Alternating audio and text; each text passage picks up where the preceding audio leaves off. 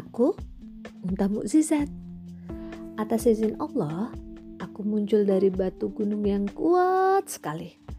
Dengarlah ceritaku yang dahsyat ya. Tersebutlah kaum Samud yang hidup di negeri makmur.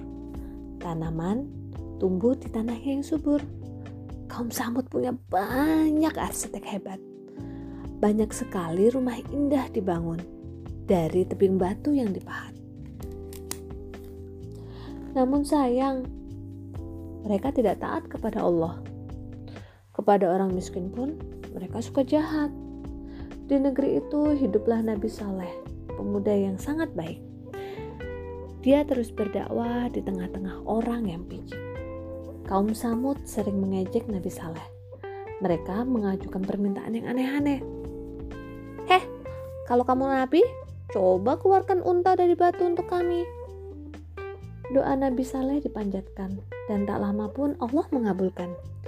Dari batu tiba-tiba muncul seekor unta. Itulah aku, sang unta betina.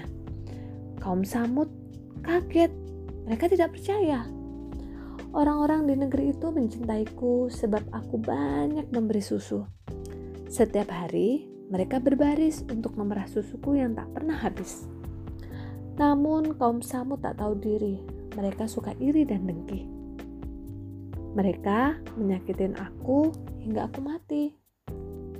Karena kekejaman kaum Samud yang tak terkira, Allah menurunkan bencana kepada mereka. Turunlah hujan yang sangat lebat disertai petir yang sangat dahsyat. Begitulah berakhirnya kaum Samud yang suka jahat. Selesai.